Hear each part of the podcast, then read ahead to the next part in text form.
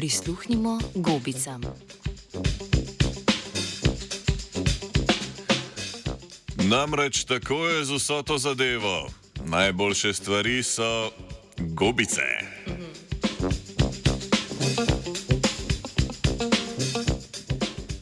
Raziskovalec Andrew Adamatski z Univerze Zahodne Anglije v Bristolu je v znanstveni reviji The Royal, Science, The Royal Society Open Science objavil članek, v katerem je raziskoval komunikacijo med glivami.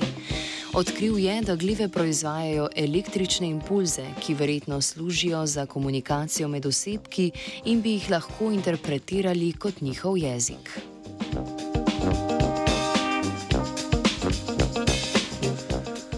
Organizmi se med seboj sporazumevamo na različne načine. Poleg besedne komunikacije je zelo pomembna tudi nebesedna, ki pa je odvisna predvsem od prejemnikovih sposobnosti zaznavanja informacij.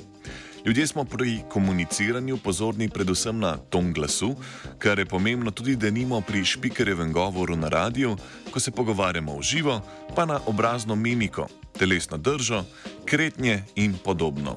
Druge oblike organizmov so razvile najrazličnejše kanale, prilagojene njihovim lastnim sposobnostim za znav.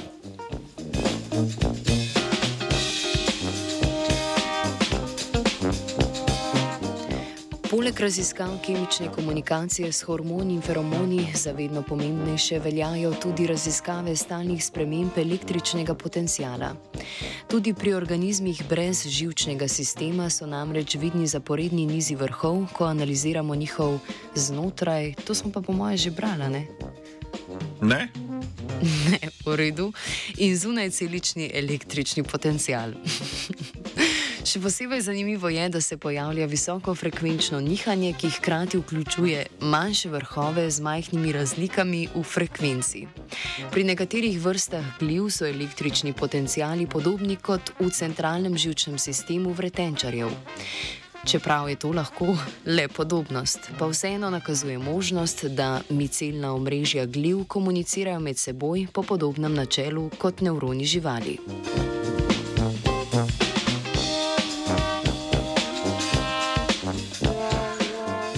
Avtor članka lahko prisluhnil petim različnim vrstam gob, je vsako zapičil po osem elektrod in v visoki ločljivosti spremljal spremembe električnega potencijala.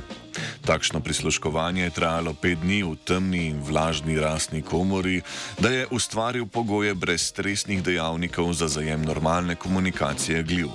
Posnetkom so odstranili standardni šum in primerjali pare elektrod. Zajete posnetke so analizirale lingvistike in lingvisti. Vrhove električnega signala so interpretirali kot besede, skupke vrhov pa kot povedi. Te strukture so na to statistično primerjali z indoevropskimi jeziki in ugotovili, da nas glive prekašajo tako na področju besednega zaklada, kot tudi slovnice in skladnje oziroma zaporedja besed. Hkrati pa so zaznali tudi rahla odstopanja med vrstami, ki spominjajo na dialekte.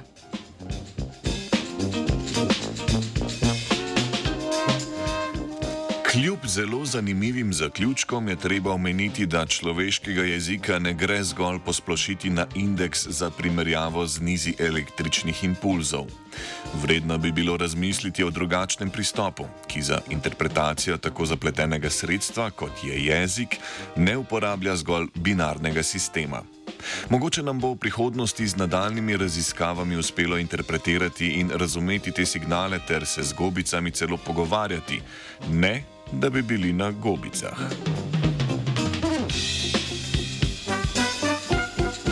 Težke so te gobice, težke v božjo mater. Gobicam je tokrat prisluhnil vajenec Tim.